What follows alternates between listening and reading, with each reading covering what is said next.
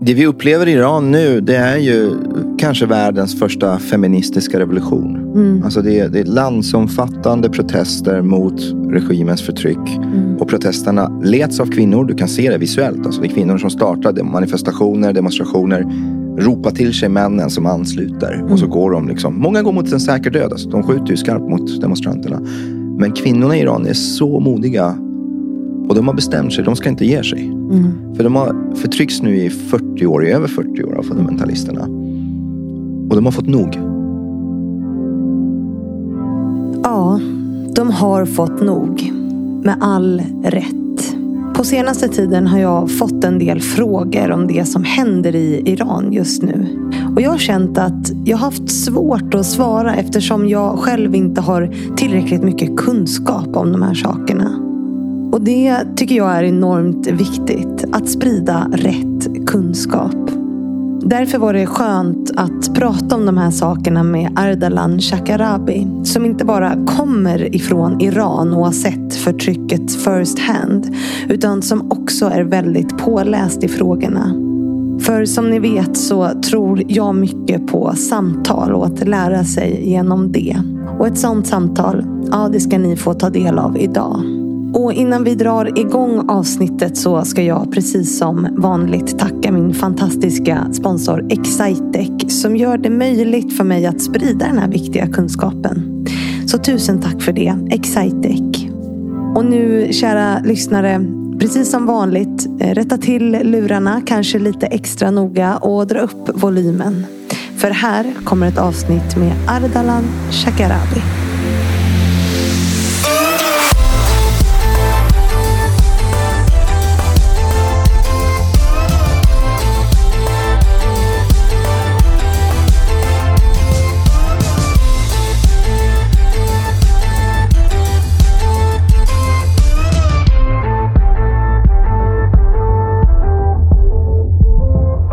Pratat otroligt mycket politik på senaste i podden. Så att vi ska ju hålla oss lite ifrån det idag och prata om, om dig. Bra. Ardalan Shekarabi. Det känner jag mig trygg med.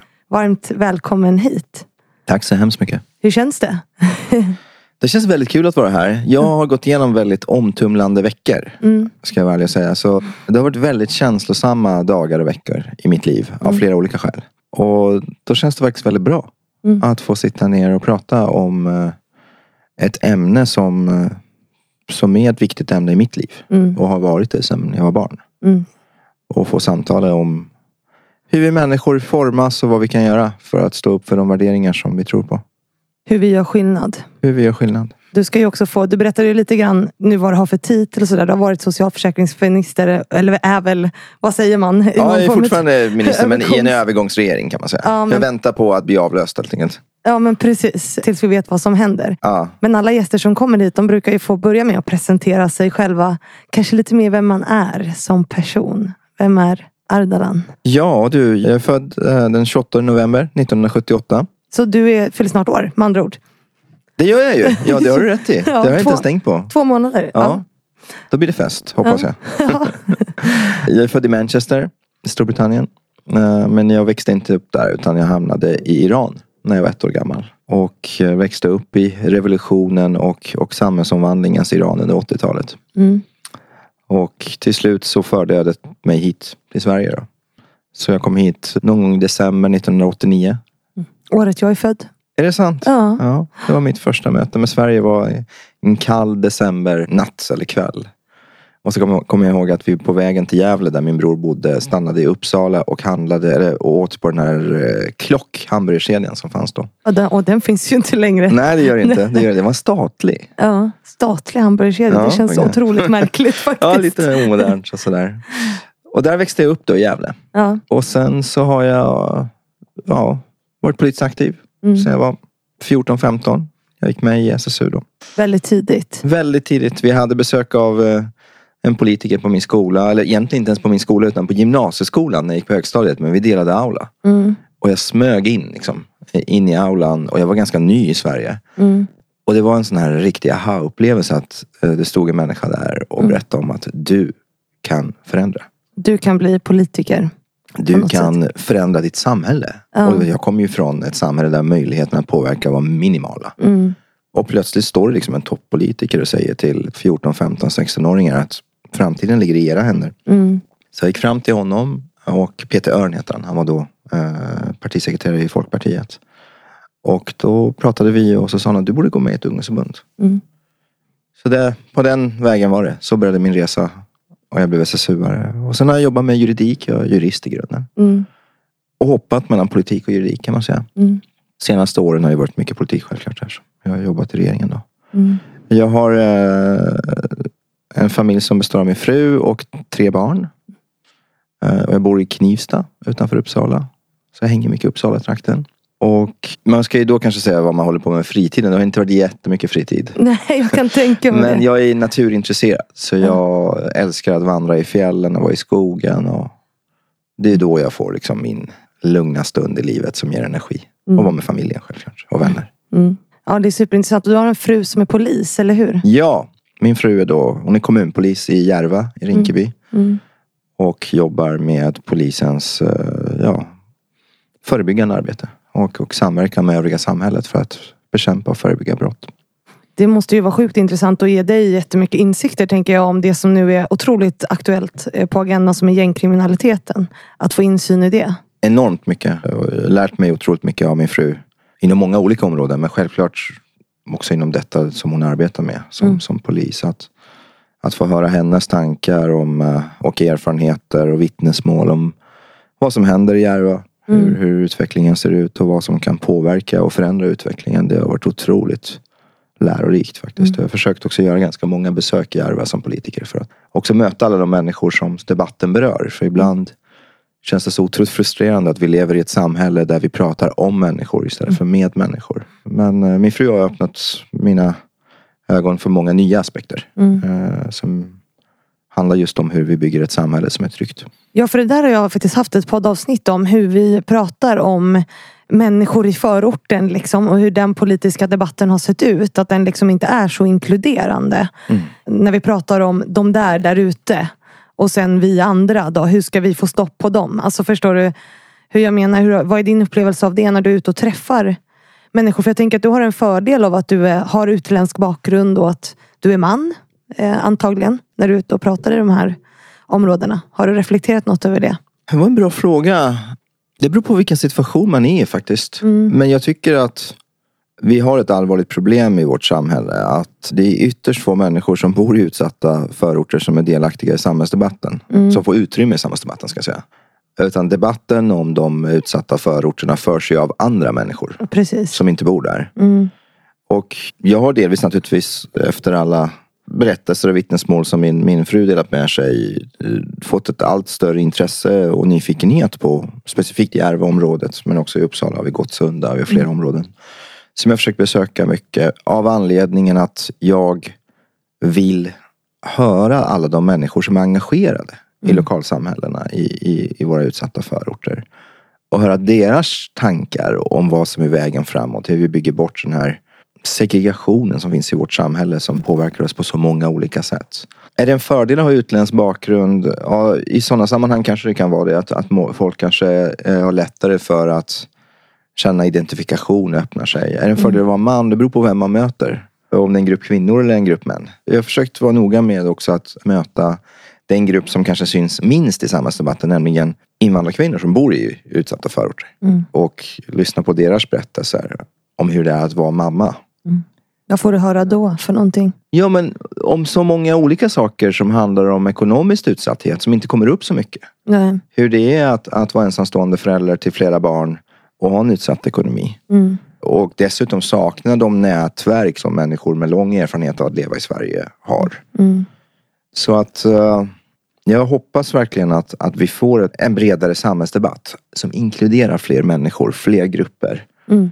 Att vi får åtminstone en liten utveckling som handlar om att prata mer med människor än om människor i vårt land. Och eh, där gör ju du och, och dina kollegor en, en jätteviktig insats. Att faktiskt just erbjuda en plats för samtal om vilka vi är. Och vad som betyder något för oss. Ja, för mycket händer ju i samtal. Alltså det är då man lär sig eh, och utvecklas.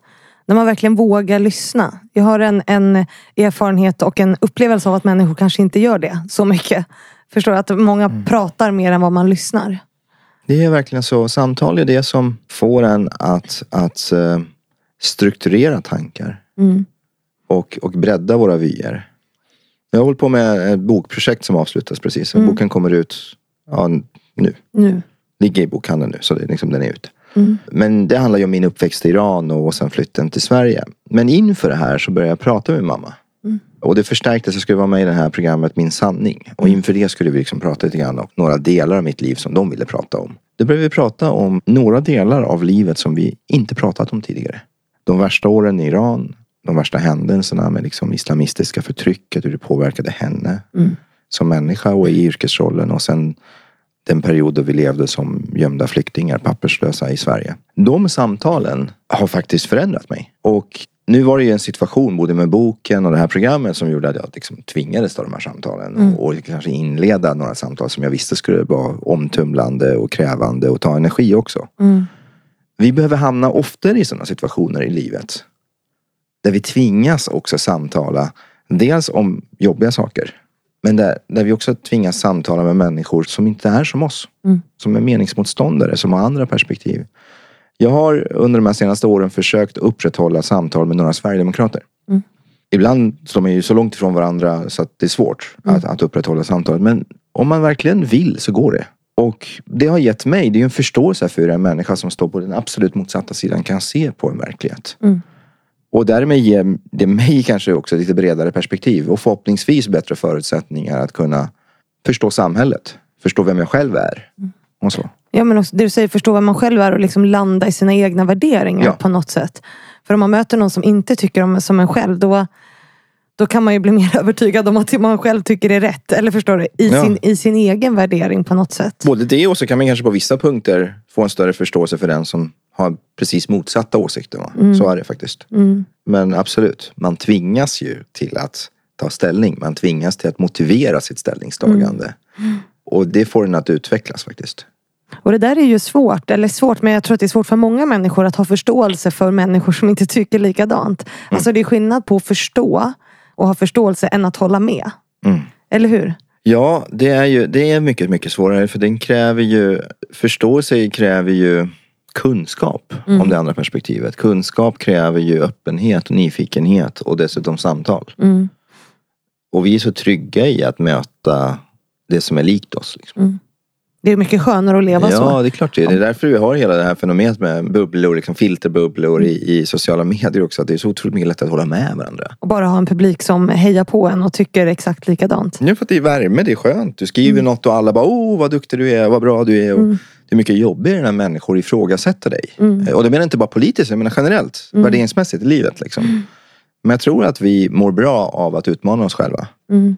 Och möta den, den som är olik oss.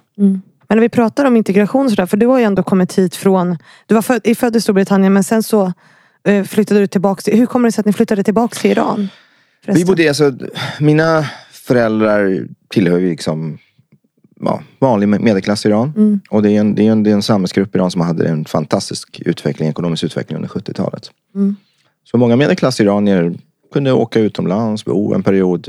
Hade ju väldigt bra inkomster i Iran under 70-talet. Och min mamma ville läsa engelska ett år och jag har en tio år äldre bror som skulle då gå i engelsk skola. Så att min mamma och bror flyttade till England 1978. Och det året inleddes ju iranska revolutionen. Mm. Och på väldigt kort tid, alltså på mindre än ett år, så förändrades hela det iranska samhället. Och monarkin föll, Mm. revolutionen segrade och ganska snabbt efter det så, så tog ju islamisterna över. Mm. Men precis mellan att revolutionen segrade och islamisterna tog över så var det en period där det var ovisst. Det kanske skulle bli bra. Det kanske skulle vara fantastiskt i Iran. Mm. Och dessutom så stängdes många dörrar utomlands. Man kunde inte bo kvar på det sättet som vi gjorde i Storbritannien. Så då åkte då mamma och bror och jag tillbaka till Iran med hoppet om att vi skulle få ett bra liv i Iran. Men det dröjde ju inte länge. Vi pratade några månader, ett halvår. Så börjar då det värsta av islamisternas liksom, eh, förtryck och repression komma fram. Och slutligen bara något år senare så tog de över hela samhället och började med en brutal omvandling av det iranska samhället. En islamisering som är det är svårt att föreställa sig. Det finns ju en del som har sett säkert eh, av dina lyssnare som har sett um, Handmaid's Tale. Mm. Den serien eller läst boken. Den är ju väldigt inspirerad av 80-talets Iran. Och det finns sådana scener i, i serien när man hoppar mellan hur det var innan maktövertagandet och eh, när, ja det är ju teokratiska fundamentalister som tagit över USA och, och byggt ett nytt samhälle. Då, som, som, Ja, där vissa kvinnor är avels, Ja. eh, typ avelston eller vad Ja. ska man kalla Ja. det. det. är- Det är helt sinnessjukt men också en, en, inte så långt ifrån verklighet. Förlåt. Ja. Nej, tro mig, om man, är, om, man är, om man har växt upp i Iran under 80-talet, Ja. men också nu, Mm. så är inte Handmaid's Tale, Tale en, en, serie som är långt ifrån verkligheten. Nej. Första, jag visste inte så mycket om den här serien, så jag råkade bara sätta på det första avsnittet. Mm. Och det började efter en halvtimme göra ont i kroppen. Alltså, Mm. det, det var liksom som att det väckte smärtor liksom, i kroppen. Och det är för att det är väldigt mycket i den serien som påminner om, om scenerna i Iran under min uppväxt. Bara det här med såna här svarta eh, van, eh, bilar som åker runt och kontrollerar kvinnor. Mm. Är direkt hämtat från, från Iran. Och det, de, de protester som har pågått i Iran då, och pågår nu. Mm. Det är ju reaktion mot, mot exakt de moralpolisernas eh, ingripande mot kvinnor på grund av klädsel. Så det är inte så jättelångt ifrån verkligheten den serien. Den, den verkligheten finns tyvärr, inte naturligtvis i alla dess former, men, men liksom huvuddragen i den serien påminner väldigt mycket om, om det förtryck som, som kvinnor utsatts för i Iran. Eh, Men i alla fall, jag bodde i Iran under 80-talet Vi ska prata mer om det där. Det, och så hamnade jag här. ja, så hamnar det här. Det blev en kort, en kort story. Får- Ja, Nej, men för jag vet ju att du sa ju, inledde ju med att liksom det här som händer i Iran, eller att du har haft känslosamma veckor och att jag tänker att det beror mycket på det som händer i Iran just nu. Vad, vad väcker det för känslor hos dig? Det som händer nu. Det var ju en kvinna som, det vet ju säkert alla som lyssnar, som blev mördad av moralpolisen för att hon bar slöjan på fel sätt. Och det väckte ju protester. Eh, som nu är, de har ju stängt ner internet och allting i Iran. Det är ju jätte... Det vi upplever i Iran nu, det är ju kanske världens första feministiska revolution. Alltså det är, det är landsomfattande protester mot regimens förtryck. Och protesterna leds av kvinnor, du kan se det visuellt. Alltså det är kvinnor som startar manifestationer, demonstrationer, ropar till sig männen som ansluter. Och så går de liksom, många går mot en säker död. Alltså de skjuter ju skarpt mot demonstranterna. Men kvinnorna i Iran är så modiga. Och de har bestämt sig, de ska inte ge sig. För de har förtryckts nu i 40 år, i över 40 år av fundamentalisterna. Och de har fått nog. Så du kan se scener, det har kommit ut massor med sådana klipp där det är en tjej som tar av sig slöjan och går utan slöja rakt mot, mot säkerhetsstyrkor. Och ställer sig och argumenterar och så börjar de skjuta henne. Alltså, det finns ett enormt mod. Men de här protesterna är ju reaktionen mot, mot ett kvinnoförtryck som, som liksom har pågått väldigt länge. Det är, inget som, det är inget nytt. Eller liksom, det måste ju ha bubblat hur länge som Det har helst. bubblat väldigt länge och det har gjorts motstånd av kvinnor väldigt länge i Iran. Jag menar när jag växte upp då, då hade de precis infört då, kravet på slöja. Men kvinnor visade ju sitt motstånd genom val av kläder och mode. Så ett av mina, en av mina första liksom, minnesbilder är att jag sitter liksom i bilen på väg till en fest och så har jag två kvinnliga släktingar eh, med mig liksom, i baksätet i bilen. Och de har ju väldigt trend, trendiga kläder. Jag kommer ihåg att en av dem hade väldigt trendiga läderbyxor. Men så liksom stoppades bilarna hela tiden av moralpolisen för att de skulle kontrollera framförallt kvinnors klädsel. Så vi blev stoppade av moralpolisen, det var skräck i bilen. Jag minns verkligen den känslan av skräck. Och min släkting lyckas täcka de här eh, läderbyxorna med sin kappa och slöja. Liksom. Så vi klarade oss den gången. Men det var viktigt för henne att ha läderbyxorna under för det var, det var ett sätt att göra motstånd och säga nej men jag anpassar mig inte till det här. Jag anpassar mig, jag köper inte det här förtrycket. Och sen har ju kvinnor mer och mer gjort motstånd genom val av kläder, genom att inte bära hijaben som, som islamisterna vill att man ska göra. Och till slut så har man nått en punkt nu där folk känner att jag är beredd att, att, att ta till och med risken att dö för min frihet. Och det är det vi ser just nu. Det som är intressant är att männen backar upp där nu. Så har det inte varit tidigare. Männen i Iran ja. Ja, det är väldigt fascinerande. Fast det var absolut inte så under 80-talet. När kvinnorna första gången demonstrerade mot slöjtvånget, eller den, den risk som man såg med att det skulle införas slöjtvång. Då fick inte alls de demonstrationerna uppbackning. Och inte alls så brett av männen i det iranska samhället. Man såg det inte som en, en prioriterad fråga, det var liksom en underordnad fråga. Den här gången, över 40 år senare, så ansluter sig männen till den här striden.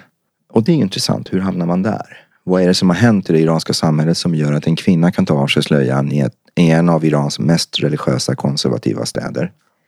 Sätta eld på sin slöja. Och männen kommer, sig, kommer till henne, ställer sig runt omkring henne i en ring och stöttar henne.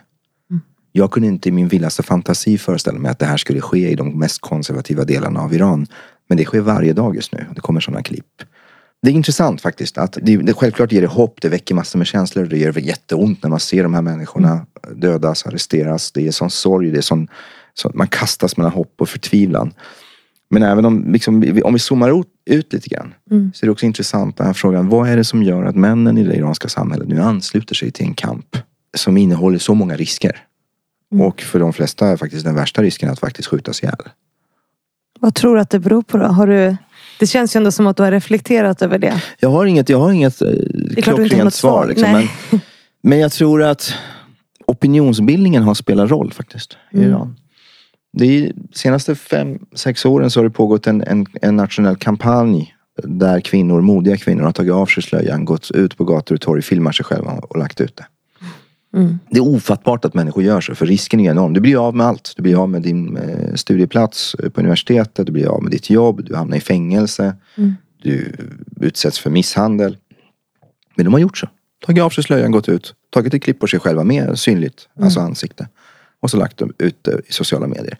Initialt var det många som sa, vad är det här för dumheter? De betalar ju bara ett pris som inte alls är värt det de uppnår. Mm. Men det visar sig att de där opinionsbildande insatserna under de senaste ja, 6-7 år som den här kampanjen har pågått.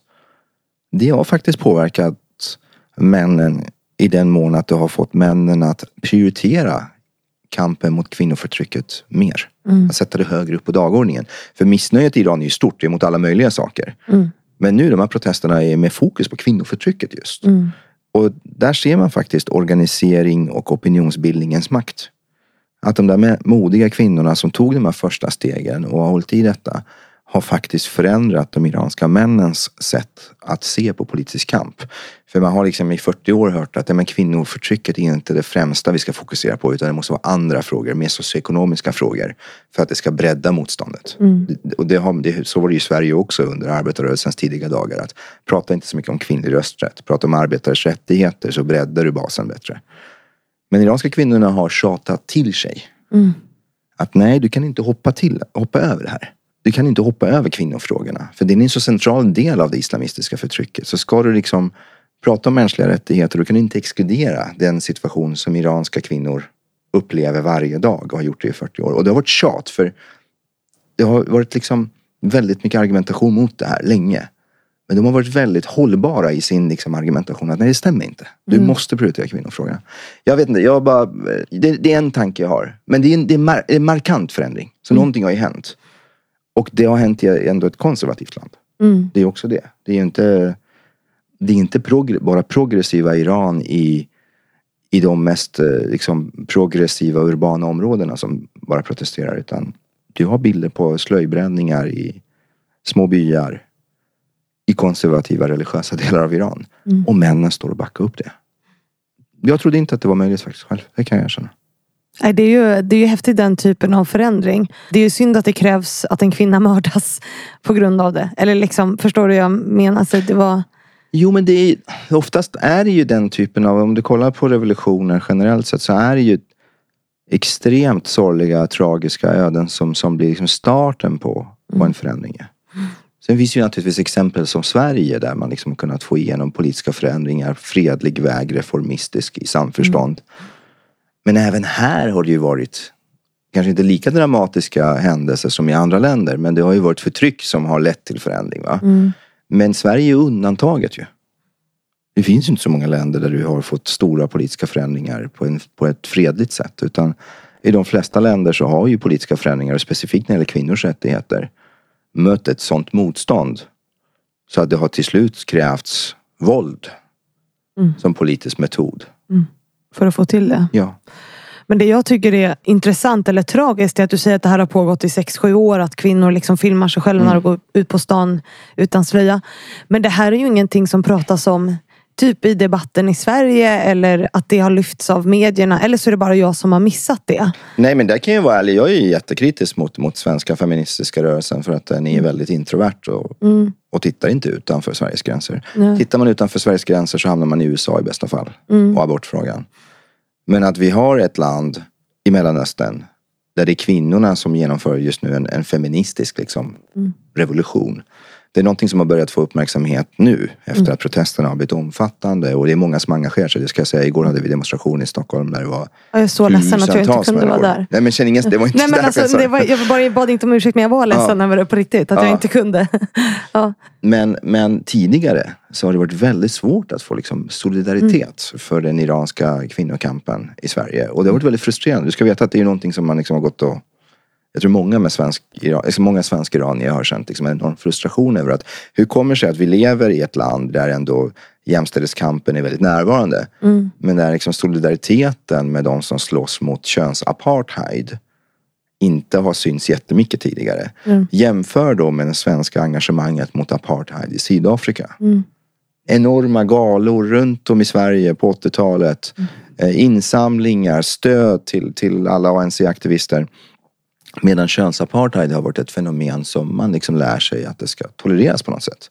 Men det har skett en förändring senaste veckorna. Jag ska säga, det är jätteviktigt att säga det att igår på Norrmalmstorg så var det inte bara svensk-iranier.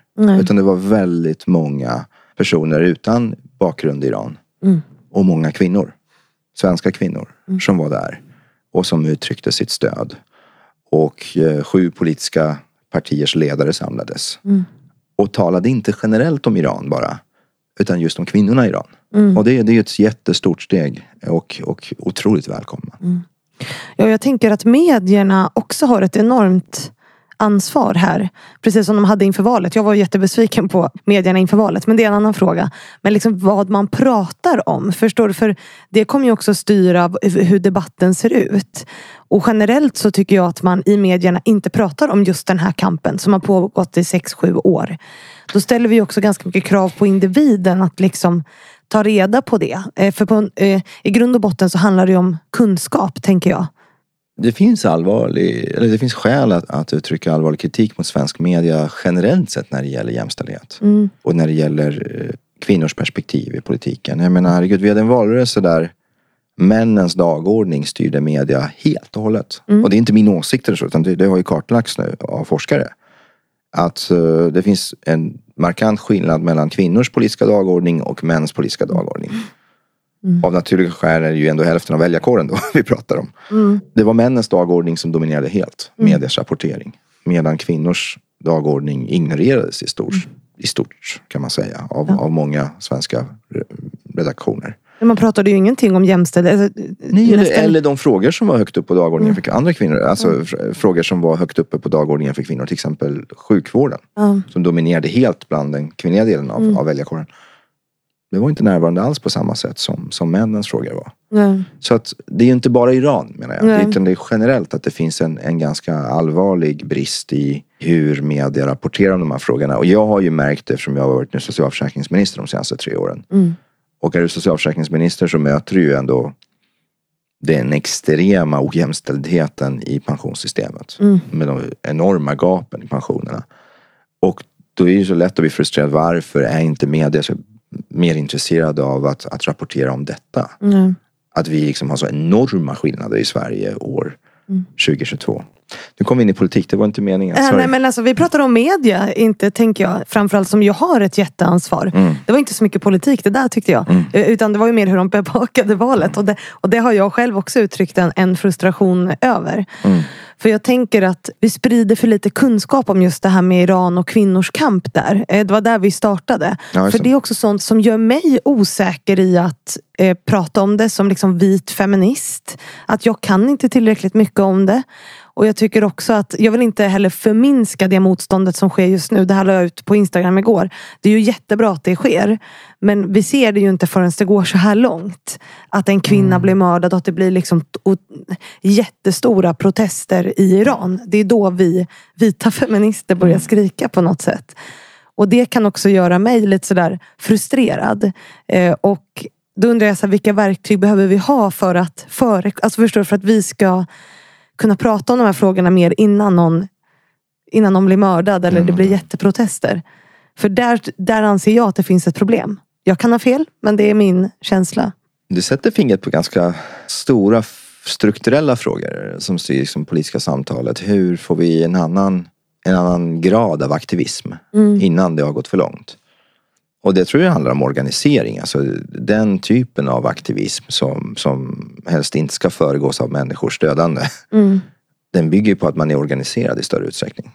Och att, att, att, att det organiserade, den organiserade opinionsbildningen är stark. Och där är ju organisationernas storlek i feministiska frågor är inte paritet med engagemanget generellt i samhället. Så, så där handlar det om också att stärka organiseringen och opinionsbildningen. Och det finns ju några som gör jätteviktiga insatser. Flera av riksdagspartiernas eh, kvinnoorganisationer är otroligt skickliga på att lyfta de frågorna internt i politiken. Vi har kvinnolobbyn, vi har flera organisationer som, som jobbar med att lyfta de feministiska perspektiven på politiken. Men det är ändå organisationer med relativt lite resurser. Och faktiskt i förhållande till det engagemang som finns i samhället relativt få medlemmar. Så att man ska inte underskatta organiseringen. Vi är ju inte individuella öar. Nej. Utan ska vi få till förändring, riktig förändring av ett samhälle, av normer, då krävs det organisering. Och jag tror att vi lever i ett samhälle där organiseringens betydelse underskattas. Vi tror liksom att okej, bara jag delar den här bilden så, så har jag liksom tagit ställning. Och det har man ju gjort. Så har jag själv nu. Det är ju det jag har hållit på de senaste veckorna. Att dela bilder och sprida kunskap så mycket jag kan. Men långsiktig förändring av ett samhälle kräver ju att vi tar nästa steg också.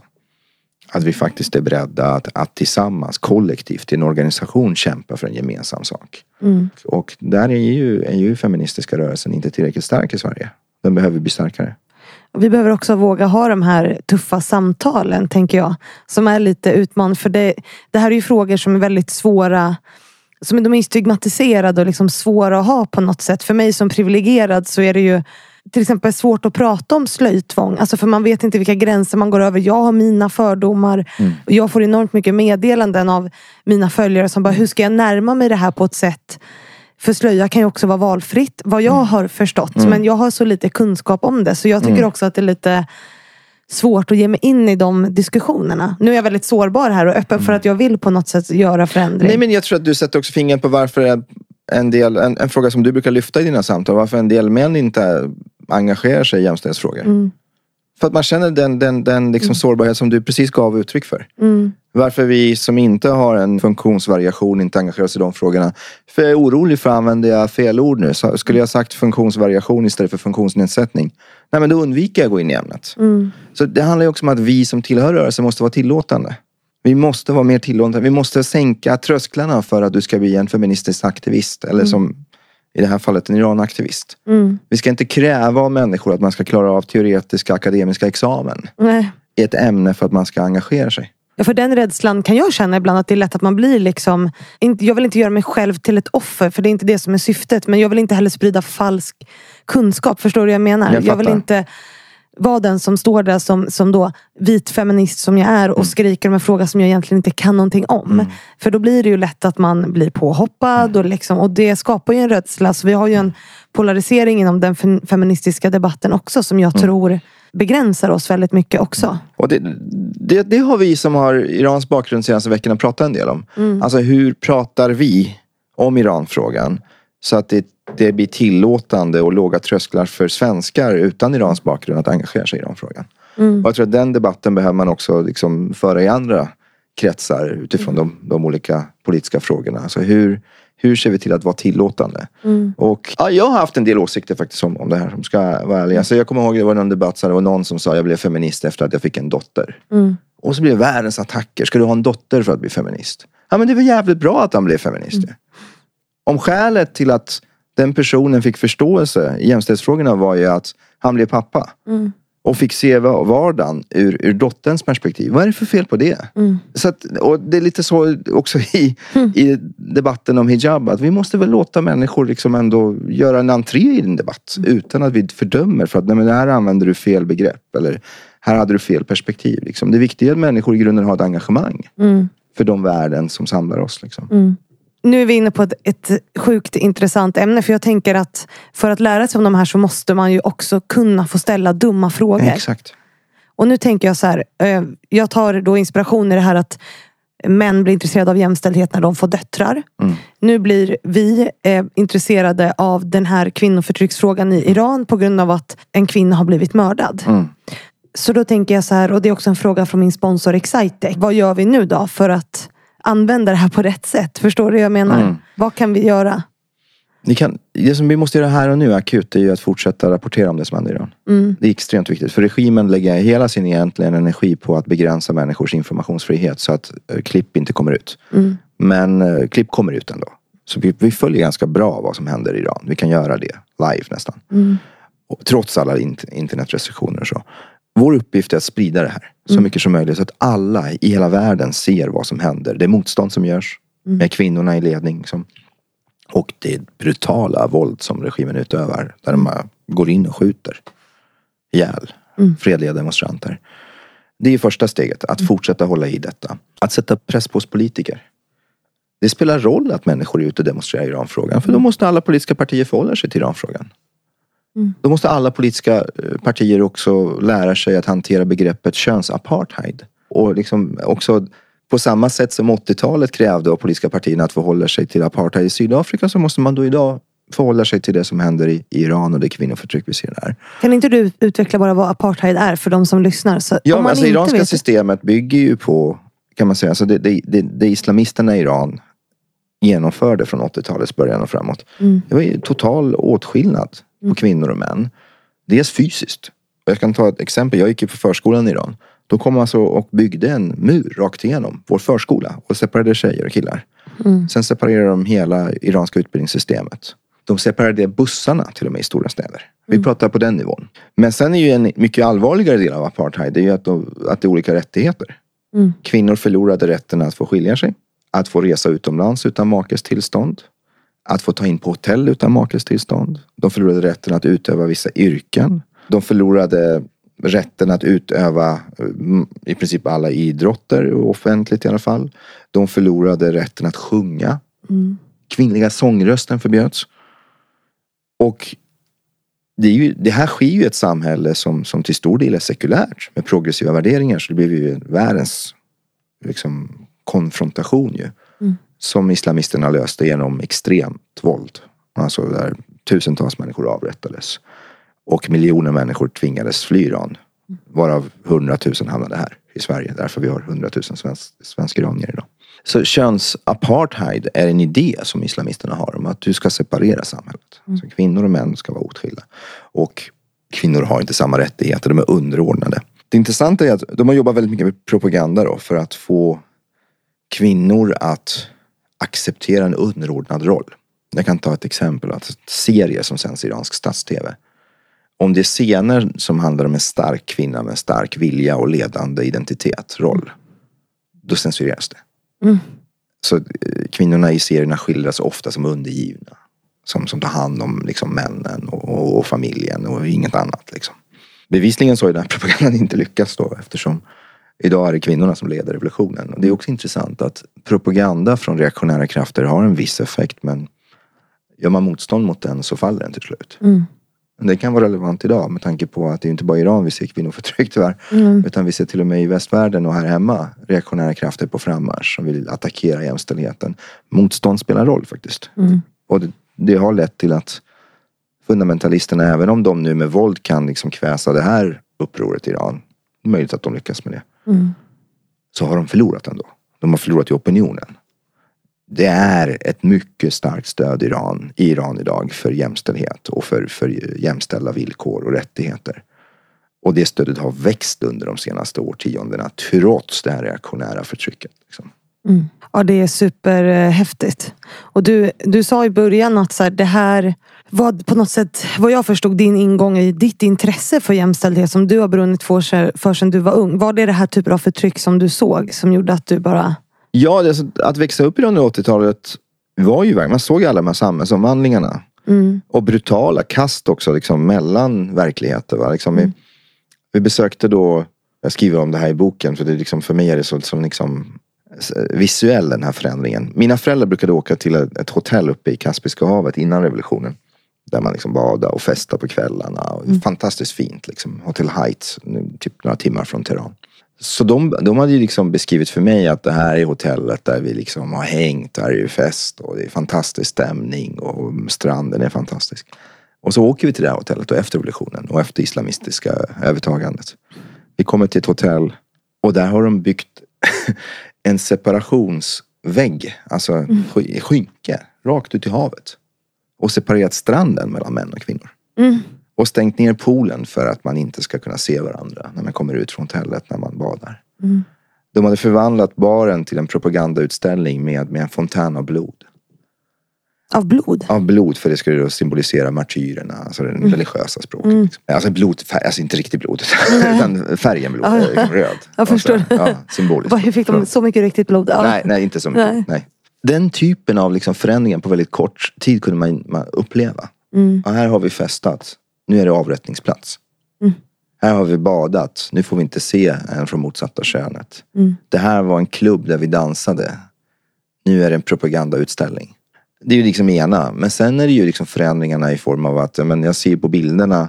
Jag har suttit mycket med mamma det här året som jag jobbar med boken och gått igenom gamla fil, liksom, eh, fil, inte filmer utan eh, foton. Mm. Och så ser man att ja, men 81 då måste hon ha en slöja som går här, liksom, eh, över halva huvudet. Mm. Året innan så räckte det med att hon hade någon sjal någonstans. Men sen 82 då måste liksom sjalen täcka hela håret.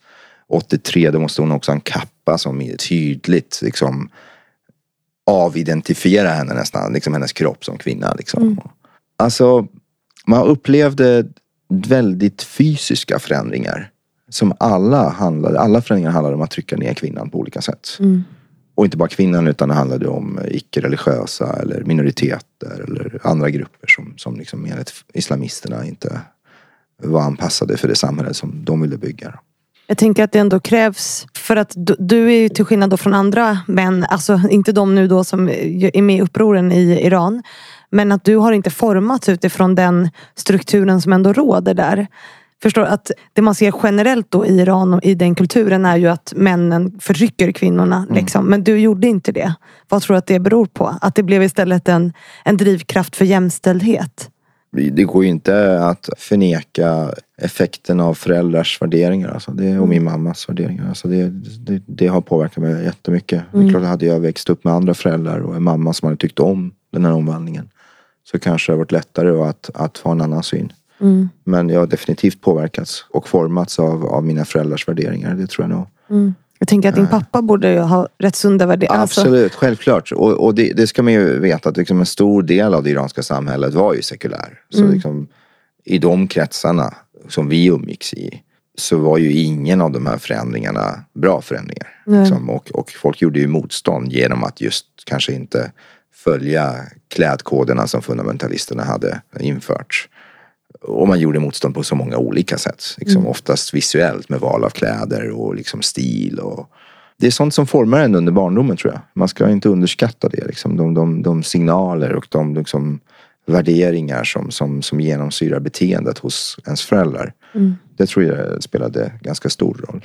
Men sen ska jag nog säga att förtrycket i sig är en faktor. Att, att liksom reaktionen mot förtrycket gör ju också att man formas av det. Alltså när du ser förtryck så blir du en spegelbild liksom av förtrycket, alltså motsatsen till förtrycket. Du vill vara det i alla fall. Och då kanske du får det att ta längre steg i din eh, feministiska medvetenhet liksom, än vad du annars hade gjort.